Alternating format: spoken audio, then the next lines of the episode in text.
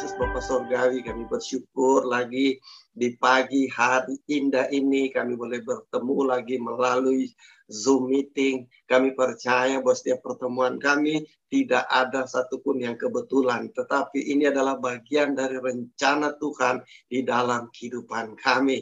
Terima kasih Tuhan Yesus, terima kasih berkat-berkat Tuhan boleh kami nikmati. Terima kasih juga karena kami boleh berada dalam tubuh yang kuat dan tubuh yang diberkati. Saat ini Tuhan kami akan uh, uh, menyampaikan perenungan firman Tuhan sebelum kami hamba sampaikan kiranya Engkau kuduskan uh, hambamu, kuduskan kami semua yang boleh mendengarkannya, sehingga firmanmu tidak akan kembali dengan sia-sia, melainkan akan menjadi berkat untuk kehidupan kami. Terima kasih Bapa dan kami serahkan pembacaan firman ini hanya di dalam nama Bapa, Anak dan Roh Kudus di dalam nama Tuhan Yesus. Haleluya. Kita sama-sama katakan amin. Puji Tuhan. Selamat pagi, selamat pagi.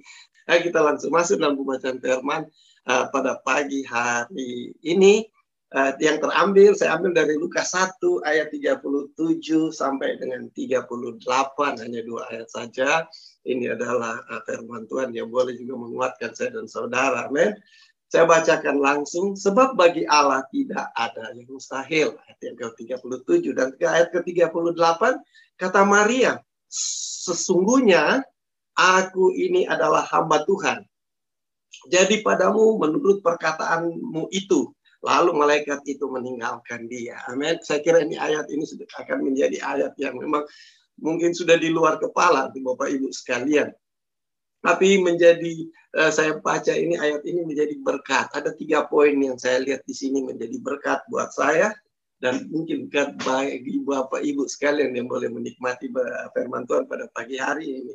Sebab bagi Allah tidak ada yang mustahil itu adalah pertama itu bahwa segala sesuatu tidak ada yang mustahil. Kalau Bapak Ibu, saya dan saudara boleh berada pada uh, pagi hari indah ini di bulan Desember tahun 2021, uh, ini sesuatu yang luar biasa untuk saya dan saudara. Mungkin ada sebagian orang berkata, waduh, saya juga belum beres nih masalah, mungkin masalah keuangan, masalah ekonomi, dan lain sebagainya belum beres.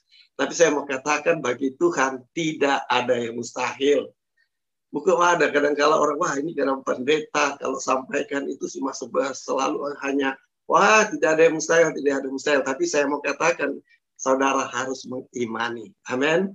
Banyak cara Tuhan untuk menolong saya dan saudara. Kita harus bersyukur. Mungkin ada keluarga atau saudara-saudara kita yang sudah dipanggil Tuhan selama COVID-19 sudah mau dua tahun saudara. Tetapi itulah yang kita harus hadapi. Kemarin saya uh, ikuti uh, Pak Gembala punya khotbah dia katakan bahwa sepertinya ada ada rencana Tuhan bahwa ini akan dibagi, dibagi antara apa eh, gandum dan eh, gandum dan ilalang seperti eh ada di pada saat ini sudah mulai apa dibagi. Jadi orang yang pada pada bertahan itu akan memperoleh hari-hari yang luar biasa. Amin. Jadi sebab bagi Allah tidak ada yang mustahil apa pun pergumulan saya dan saudara yang saat ini mungkin belum selesai, saya mau katakan tidak ada yang mustahil. Kita, kita tetap berharap, kita mau taat, kita setia, lakukan yang terbaik untuk Tuhan. Dan saya yakin bahwa orang saudara-saudara kita sekalian, rekan-rekan hamba Tuhan yang selalu hadir pada uh, Zoom meeting setiap pagi melalui gerbang pagi ini orang-orang yang taat, orang-orang yang setia, yang merindukan pertolongan Tuhan, mengharapkan sesuatu yang baik dari Tuhan. Jadi kalau kita boleh berada, kita masih tetap memohon pertolongan Tuhan itu sesuatu yang luar biasa. Tetap dipertahankan. Amin. Kita tetap bertahan mencari Tuhan hari lepas hari. Dan ke ayat 38 kata Maria, sesungguhnya aku ini adalah hamba Tuhan. Saya dan saudara adalah bagian dari hamba Tuhan. Itu saudara. Jadi kalau ada kesempatan kita masih ada sehat Tuhan beri kesempatan untuk kita tetap melayani. Jangan tinggalkan pelayanan, tetap melayani Tuhan. Sehingga kerohanian kita tetap bertumbuh, bertumbuh kuat di dalam Tuhan. Amin. Artinya kita menyatakan bahwa hidup saya dan saudara tetap mengharapkan pertolongan Tuhan di dalam situasi apa pun. Dan yang ketiga, jadi padaku menurut perkataanmu itu. Jadi menjadi perkataan apa yang kita ucapkan itu akan terjadi dalam hidup saya dan saudara. Saudara sedang merindukan supaya bisnis saudara dibukakan, berkat-berkat atau ada beberapa yang saya lihat sering apa share meminta apa didoakan doakan tetap taat Tuhan tidak pernah akan diam, Tuhan tidak pernah akan meninggalkan, dan Tuhan tidak akan uh, menutup telinga untuk melihat atau mendengar apa yang menjadi per, apa permohonan saya dan saudara. Tetap taat, tetap setia lakukan yang terbaik untuk Tuhan. Sebab bagi Tuhan tidak ada yang mustahil. Maka dengan itu di pagi hari ini saya memberi judul bagi Tuhan tidak ada yang mustahil. Maka dengan itu marilah kita saya dan saudara kita akan menerobos setiap kemustahilan. Amin. Bagi Tuhan tak ada yang mustahil. Bagi Tuhan tak ada yang tak mungkin. Mujizatnya disediakan bagiku, ku diangkat dan dipulihkannya. Mujizat masih ada, saudara. Oh, saudara, saya selalu bersyukur Tuhan. Terima kasih saya di tahun di akhir tahun ini masih Tuhan beri kesehatan, tahu Tuhan masih beri kekuatan. Tuhan masih memberikan kesempatan saya boleh melayani dan melayani saudara. Itu yang saya saya kadang kala, aduh saya kadang Tuhan itu luar biasa. Saya boleh rasakan berkat-berkat Tuhan Tuhan berikan, Tuhan cukupkan dalam kehidupan yang dua tahun lalu saya berpikir waktu kita masuk di dalam uh, apa COVID-19 ini melihat, waduh ini goncang semua, saudara, waduh ini uh, berat. Artinya kalau secara kalau kita lemah kita bisa katakan ini tidak lagi ada harapan.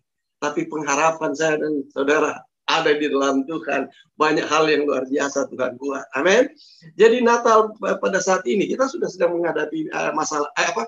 Kita sedang menghadapi perayaan-perayaan Natal. Tetapi saya mau ambil apa maknanya dari Natal yang kita rayakan di tahun 2021 ini sesuatu yang luar biasa. Natal berbicara tentang pertama ya yang saya pelajari bagaimana menerobos kemustahilan. Banyak orang yang sudah hopeless, sudah begini, yang tidak berharap pada Tuhan. Banyak yang sudah ada beberapa teman saya sudah menelpon, aduh ini sudah langkah-langkah akhir, sudah so habis. Lalu bilang so habis ini.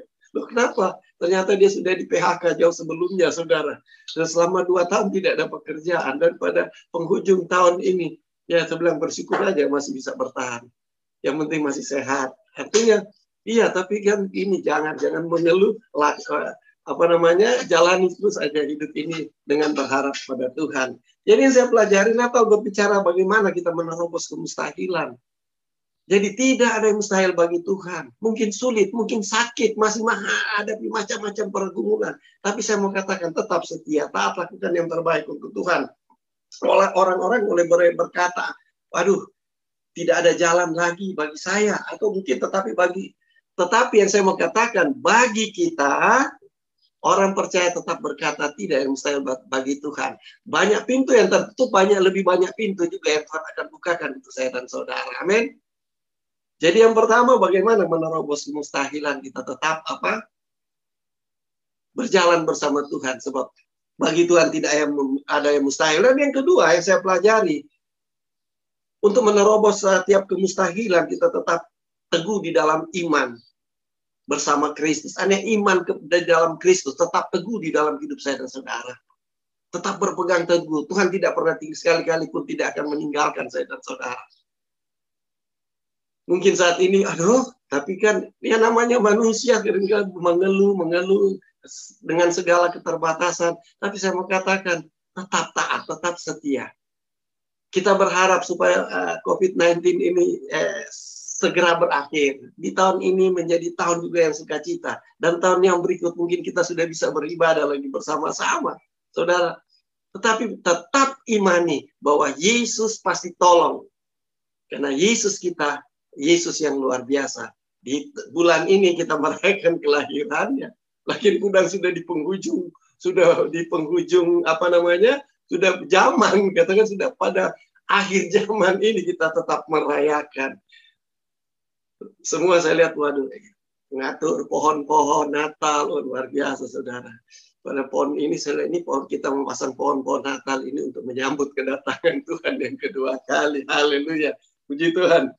Jadi selama kita beriman, kita akan menembus segala kemustahilan. Tetap kita akan menembus. Apa pun juga. Mungkin terlalu berat. Orang udah terlalu berat.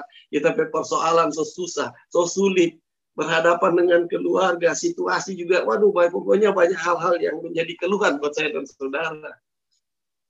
Ya Pak Stanley, mau suka pulang ke uh, Jakarta, dia sedang belum bisa sampai sekarang masih ada di Australia. Itu juga kan masalah, saudara. Wah, saya rindu supaya saya ada di rumah di Jakarta, tapi belum, saudara. Belum, tunggu aja waktu Tuhan. Malah katanya mau disambung lagi sampai tahun depan. Itu juga bagian dari masalah yang yang terjadi dalam hidup saya dan saudara. Tetapi tidak ada yang mustahil. Kerjakan saja apa yang Tuhan mau dalam hidup saya dan saudara. Amin. Jadi selama kita beriman, kita akan menembus segala kemustahilan dan dapat melihat serta mengalami perkara yang dahsyat dari Tuhan itu sendiri. Pasti Tuhan tolong. Akhirnya kita terkaget-kaget. Aduh, ternyata seperti ini. Ternyata Tuhan tolong. Bukan ini rencana saya, tapi Tuhan berikan saya yang lain, saudara. Ada pada waktu tertentu di, di mana kita akan melihat aduh ini pertolongan Tuhan. Waduh, kalau enggak Tuhan ini saya saya tidak tahu. Kan seperti itu, saudara. Saya banyak kali mengalami hal-hal sedemikian. Apa yang saya sudah rencanakan malah gagal, apa yang saya kerjakan gagal. Eh, tapi ada ada yang lain yang nggak pernah saya pikirkan. Itu yang datang. Amin. Apa yang tidak pernah kita pikirkan, itu yang Tuhan sediakan. Oh, luar biasa, saudara. Pengenapan untuk firman Tuhan yang kita baca hari lepas hari Ibrani 11 ayat 1, iman adalah dasar dari segala sesuatu yang kita harapkan dan bukti dari segala sesuatu yang kita tidak lihat. Iman adalah dasar dari segala sesuatu yang kita tidak harapkan. Banyak hal yang terjadi yang tidak pernah kita harapkan, justru itu menjadi jawaban Tuhan. Tidak pernah kita harapkan ini kok ini yang jadi, saudara. Akhirnya Tuhan mau ajak kita, saya pelajari iya, Tuhan mau ajak kita supaya kita bersyukur. Karena kalau apa yang kita rencanakan itu terjadi, kadangkala kita jadi sombong. Kadangkala kita jauh dari Tuhan, bukan mengucap syukur, tapi kita mau hanya men, uh, hanya merasa bahwa ini semua karena kekuatan saya. Saya, saya berusaha, saya kerja siang dan malam. Tapi kadangkala yang hal begitu Tuhan buat kita gagal, saudara. Tapi Tuhan jawab dengan sesuatu yang nggak pernah kita pikirkan. Amin. Jadi iman adalah dasar dari segala sesuatu yang kita harapkan dan bukti dari segala sesuatu yang tidak kita lihat. Berbahagialah orang yang tidak melihat namun percaya tetap ada di dalam jalur Tuhan. Ada lagu lama berkata, percaya saja, percaya saja, semua pasti jadi asal percaya. Percaya dengan sungguh. Yesus adalah Tuhan dalam kehidupan yang saya dan saudara. Yang ketiga, untuk menerobos ke setiap kemustahilan kita juga apa punya pengharapan di dalam Tuhan. Tetap berharap apa pun kondisi saya dan saudara, tetap berharap bahwa Tuhan pasti tolong. Amin. Allah kita adalah Allah yang tidak terbatas. Dia memberikan keberhasilan bagi apa kita yang jauh dari apa yang kita pikirkan. Jadi kita tetap berharap pegang teguh pada janji Tuhan. Maka segala sesuatu Tuhan akan jawab tepat pada waktunya. Seperti lagu-lagu lama mengatakan pengharapanku hanya Yesus saja yang mati atas dosaku. Amin. Haleluya. Tetap berpengharapan. Dalam kondisi apa pun, tetap berpengharapan. 1 Korintus 2 ayat 9 berkata, tetapi seperti ada yang tertulis. Apa yang tidak pernah dilihat oleh mata dan tidak pernah didengar oleh telinga dan yang tidak pernah timbul di dalam apa? Hati manusia. Semua yang disediakan Allah untuk mereka yang mengasihi dia. Sejauh mana saya dan saudara mengasihi Tuhan. Amin. Kuncinya tetap mengasihi Tuhan. Tuhan ada dalam hati saudara. Tuhan ada dalam hidup saudara. Setiap hari kita ada di dalam Tuhan. Amin. Di pagi hari ini, pagi-pagi sekali kita sudah bangun jam, kadang-kadang jam 4 kita sudah siap-siap yang paling yang rajin ada Pak Ivan, ada Ibu Emelinina, ya Pak Dedi dan lain sebagainya. Pagi-pagi semua dengan setia sudah ada di uh, depan apa namanya kamera untuk mengikuti Zoom. Kenapa? Karena kita rindu dan sel selalu ada dekat dengan Tuhan. Masa Tuhan mau tinggalkan saya dan saudara? Kita selalu ada di hadirat Tuhan. Dan yang keempat, ketaatan dan kesetiaan di dalam Tuhan. Kita tetap taat, kita setia di dalam Tuhan. Tetap lah sabar dan teruslah belajar menjadi orang-orang yang taat dan setia. Lakukan yang segala sesuatu secara berkesinambungan, jangan sepotong-sepotong. Kita kita tahu bahwa Yesus adalah Tuhan. Kita harus nyatakan dalam hidup saya dan saudara. ada Tuhan yang akan menolong saya dan saudara. Maka kita akan melihat hal-hal yang luar biasa dari Tuhan Yesus. Dia akan membukakan pintu-pintu berkat bagi saya dan saudara. Tidak ada pintu yang akan tertutup, pasti dia akan bukakan. Tetapi ikuti cara Tuhan dan waktu Tuhan. Jangan paksakan waktu Tuhan untuk waktu seperti waktu saya dan saudara. Waktu Tuhan pasti akan lebih tepat, saudara. Mungkin bisnis saudara, usaha saudara, masih aduh, masih belum begini, masih belum, masih belum. Memang masih belum semua. Tapi ada masanya di saat Tuhan menjawab setiap berkat-berkat di saat saat dia bukakan untuk saya dan saudara. Oh, saudara, akhirnya oh puji Tuhan. Oh, segala kemuliaan hanya bagi Tuhan. Semua karena Tuhan. Artinya yang keluar dalam dalam, dalam apa namanya? hati dan perkataan saudara itu adalah ucapan syukur. Kenapa? Karena Tuhan sudah menjawab doa dan saudara. Dan kelima, kita tetap percaya bahwa Yesus adalah Tuhan dan Juru Selamat. Dia menyelamatkan saya dan saudara karena yang paling penting adalah apa? Jiwa saya dan saudara. Di balik setiap dia dia tolong kita di dalam setiap kebutuhan, keperluan dalam segala usaha kita. Kuncinya yang paling penting adalah keselamatan jiwa saya dan saudara. Dia mau menyelamatkan saya dan saudara. Yohanes 3 ayat 15 sampai 16 ini sudah sudah bukan lagi ya itu tapi ini sudah jadi ayat pegangan buat saya dan saudara. Ayat 15 supaya setiap orang percaya kepadanya beroleh hidup yang kekal. Yang percaya, jadi ada kekekalan dalam hidup saya dan saudara. Tidak sia-sia biar bangun pagi saudara setiap hari. Kenapa kita ingin merindukan kekekalan dalam hidup saya dan saudara? Artinya kita dipulihkan, jiwa kita diselamatkan. Karena begitu besar kasih Allah akan dunia ini sehingga ia telah mengaruniakan anaknya yang tunggal supaya setiap orang yang percaya saya dan saudara orang yang percaya kalau tidak percaya tidak mungkin bangun pagi saudara yang percaya kepadanya tidak binasa ini berbicara ke kebinasaan itu berbicara dari tubuh jasmani saya dan saudara juga dijamin pasti Tuhan tolong Tuhan beri kesehatan Tuhan beri kekuatan melainkan beroleh juga hidup yang kekal. Kalau kita berbicara kekekalan sesudah dari hidup ini, masa kita di dalam Tuhan, masa Tuhan membiarkan kita susah terus, saudara? Pasti dia tolong, saudara. Amin. Dia tolong, tolong kebutuhan saya dan saudara dalam usaha pekerjaan pasti Tuhan tolong. Dan paling kunci, yang kuncinya adalah dalam kekekalan itu sendiri. Tuhan mau kita masuk di dalam apa? Kekekalan, yaitu jiwa kita diselamatkan. Tapi percaya dulu. Percaya dan percaya dengan sungguh. Amin. Dan yang keenam, bagaimana kita harus apa? Bagaimana kasih Yesus bagi umat manusia, saya dan saudara, di dalam kita menerobos setiap kemustahilan. Mazmur 103 ayat 17. Tetapi kasih setia Tuhan dari selama-lamanya sampai selama-lamanya. Artinya, kasih Tuhan untuk saya dan saudara itu tidak terbatas. Di dalam keadaan kelemahan kita, di dalam kita tidak dapat, tidak berdaya, Tuhan selalu mengulurkan tangan kasihnya. Pemasmur katakan dia tidak bisa berbuat apa-apa selain ada di dalam Tuhan. Kalau dalam Tuhan, oh ada kuasa yang luar biasa dalam kehidupannya. Tetapi kasih setia Tuhan dari selama lama dari selama lamanya sampai selama lamanya artinya kekal. Atas orang-orang yang takut akan Dia. Selalu kuncinya takut akan Dia. Takut akan Dia. Di saat kita takut akan Tuhan, kita akan berbuat hal-hal yang baik sesuai dengan apa? Kehendak Tuhan. Dan keadilannya bagi anak cucu. Itu mengandung janji. Jadi kasih setia Tuhan itu bukan sepotong-sepotong, tetapi selama-lamanya. Mulai dari saya dan saudara, atau mulai dari kakek, mulai dari opa, oma, sampai ke saya dan saudara. Dan pada anak dan cucu. Jadi tidak terbatas kasih Tuhan itu akan tetap ada di dalam kehidupan orang yang hidupnya berharap pada Tuhan.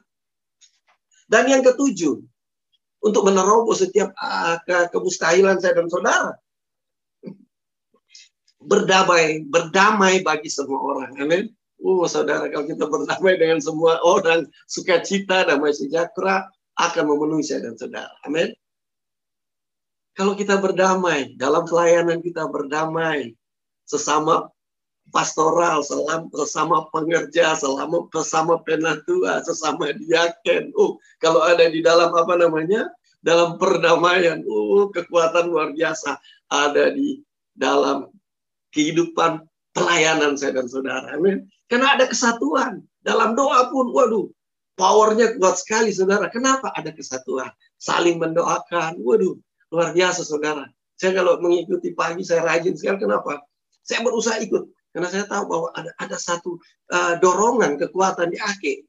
Artinya kita saling apa mendoakan itu suatu yang luar biasa, saudara. Di global masih ada gerbang pagi, waduh luar biasa, saudara.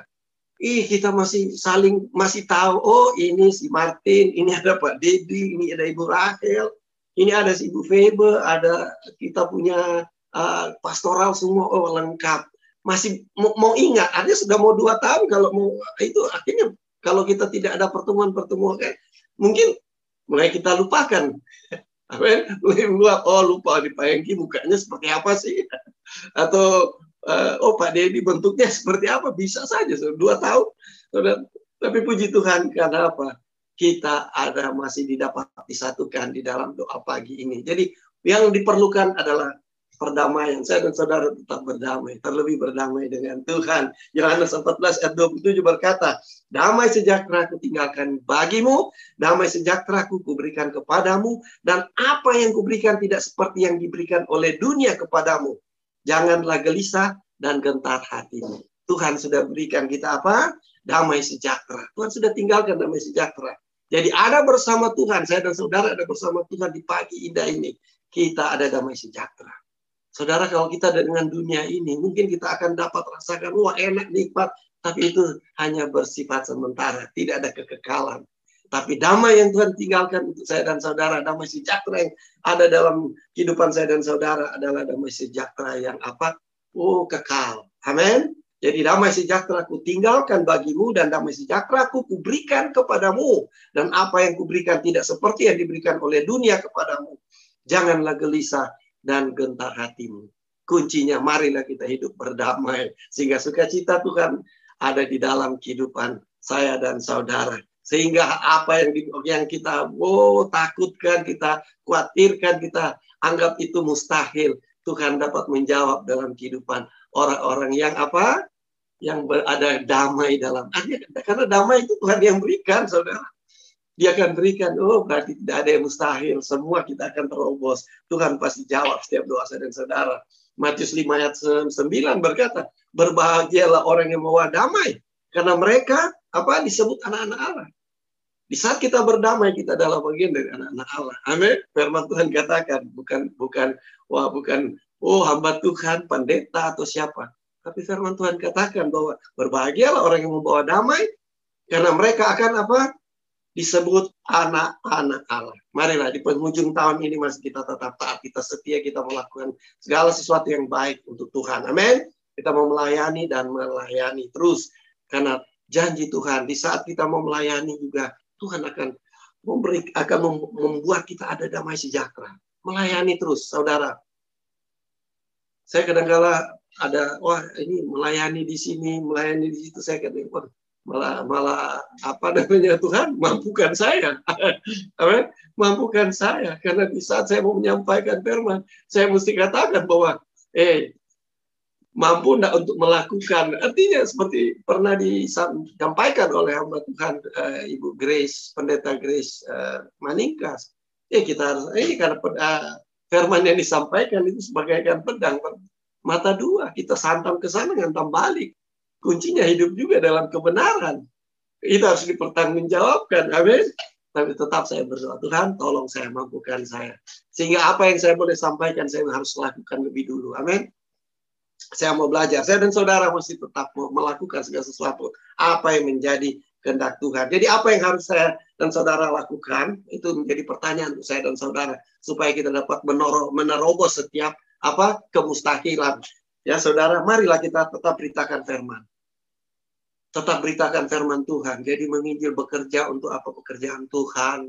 Apa pun yang kita lakukan, segala sesuatu yang baik untuk pekerjaan Tuhan. Di saat kita masih diberi kesempatan, kita lakukan. Hidup ini adalah kesempatan. Jadi saya dan saudara diberi kesempatan. Waduh saudara, kita harus bersyukur. Kita masih sehat, masih kuat. Amin. Kalau kita tidak melayani, aduh jadi utang buat saya. Utang buat saya, saya, saya untuk saya, saudara. Roma 10 ayat 8 dan 11 di sini dikatakan, tapi apakah katanya? Ini firman itu dekat kepadamu, yakni di dalam mulutmu dan di dalam hatimu. Itulah firman iman yang kami beritakan. Sebab jika kamu mengaku dengan mulutmu bahwa Yesus adalah Tuhan dan percaya pada hatimu bahwa Allah telah membangkitkan dia dari antara orang mati, maka kamu akan diselamatkan. Artinya di sana dikatakan firman itu dekat kepadamu, dekat dalam mulutmu, dekat dalam hatimu. Sampaikan biar ada kemuliaan Tuhan dalam hidup saya dan saudara, saya dan saudara dalam keseharian. Itu adalah bagian dari pelayananmu. Ada Tuhan, jadi kita tampil sukacita, kita damai damai sejahtera. Wajah kita pun penuh kemuliaan Tuhan. Amin. Di saat kita mau, mau melayani, kita tidak perlu mungkin berkhotbah seperti uh, Tuhan yang lain, kita tidak perlu berkhotbah. Tapi dari tampilan kita sudah menunjukkan pelayanan saya dan saudara. Amin. Ada sukacita, ada damai sejahtera, karena firman itu sudah ada di dalam hidup saya dan saudara. Firman itu dekat kepadamu. yang di dalam mulutmu dan di dalam hatimu. Jadi perkatakan firman, perkatakan hal-hal baik sehingga orang melihat kemuliaan Tuhan dalam hidupmu. Karena dengan hati orang percaya yang dibenarkan dan dengan mulut orang mengaku dan diselamatkan. Dengan hati orang percaya dibenarkan dan apa? Dengan mulut orang mengaku dan diselamatkan. Kita diselamatkan. Oleh sebab itu, damai sejahtera Tuhan ada dalam hidup saya dan saudara. Tetap layani Tuhan. Karena kitab suci berkata, barang siapa yang percaya kepada dia, tidak akan dipermalukan. Lakukan yang terbaik. Saat kita masih mau melayani, kita tidak akan dipermalukan. Tuhan jamin. Amin. Apakah ada hamba Tuhan? Apakah ada ada saya dan saudara dipermalukan Tuhan? Tidak, saudara. Ada damai sukacita, ada sejahtera, dan ada Tuhan dalam hidup saya dan saudara. Marilah saudara, kita tetap mau menerobos apa yang orang boleh berkata, dunia boleh berkata ini mustahil dan dan mustahil. Tapi bagi Tuhan tidak ada yang mustahil. Dan masih ada mujizat-mujizat Tuhan yang Tuhan akan sediakan untuk saya dan saudara mengakhiri tahun ini sudah di bulan Desember ini saya tetap berdoa Tuhan supaya di dalam tahun memasuki tahun 2022 kita ada tetap di dalam perlindungan Tuhan, di dalam penyertaan Tuhan. Sehingga dalam langkah-langkah kita untuk tahun depan selalu dapat melangkah dengan apa kekuatan Tuhan. Amin. Mujizat itu nyata dalam hidup saya dan saudara. Tak terbatas kuasamu Tuhan, Tuhan tidak pernah pernah terbatas untuk saya dan saudara. Semua dapat kau lakukan. Apa yang kelihatan mustahil bagiku, itu sangat mungkin bagimu. Di, di saat ku tak berdaya, kuasamu yang sempurna ketika ku percaya mujizat itu nyata bukan karena kekuatan namun rohmu ya Tuhan. Ketika ku berdoa doa pagi saudara gegerbang pagi mujizat itu nyata di saat ku percaya Mujizat itu nyata. Mujizat itu nyata. Kita tetap terobos. Orang boleh berkata mustahil karena ekonomi pasti goncang, tapi Tuhan akan mengangkat kita pada hal-hal yang apa? Tuhan akan mengangkat kita pada hal-hal yang di luar pikiran manusia, di luar uh, dunia ini. Artinya dari dunia boleh berpikir dengan segala waduh kemungkinan-kemungkinan yang menjadi sulit, tetapi bagi saya dan saudara tidak ada yang mustahil. Marilah kita mau melangkah bersama Tuhan dan kita tetap mau melayani Tuhan karena kita harus melayani. Saudara, kalau kita tidak melayani Tuhan, kita cuma duduk diam sementara kita masih ada kesempatan sangat disayangkan sekali, saudara tetap melayani Tuhan. Di mana pun saudara berada, apa pun profesi saudara, tetap melayani Tuhan. Matius 28 ayat 19 dan 20. Karena begitu pergilah, jadikanlah segala bangsa muridku dan baptislah mereka dalam nama Bapa, Anak dan Roh Kudus. Dan ajarkan mereka melakukan segala sesuatu yang telah kuperintahkan kepadamu dan ketahuilah aku menyertai kamu senantiasa sampai kepada akhir zaman. Jadi ada janji Tuhan di sana. Saat kita melayani pekerjaan Tuhan, ada penyertaan Tuhan sampai pada akhir zaman. Jadi marilah kita mau tetap taat, terobos setiap kemustahilan. Dunia boleh berkata mustahil, tapi bagi orang-orang percaya tidak ada yang mustahil.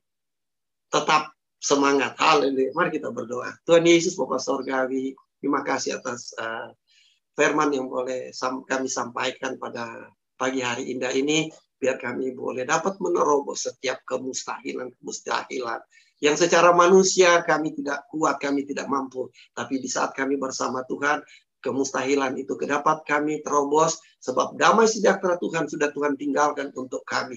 Apa pun situasi dan kondisi kami hadapi dalam hidup ini, kami mau tetap ada di dalam Tuhan sehingga hal-hal luar biasa boleh terjadi di dalam kehidupan kami. Terima kasih Tuhan, kami telah berhenti untuk menyampaikan firman-Mu, tapi biarlah firman-Mu tetap ada di dalam hati kami, ada di ada di dalam mulut kami, sehingga kami dapat memuliakan Tuhan di dalam keadaan apa pun. Terima kasih Bapak, di dalam nama Tuhan Yesus. Haleluya.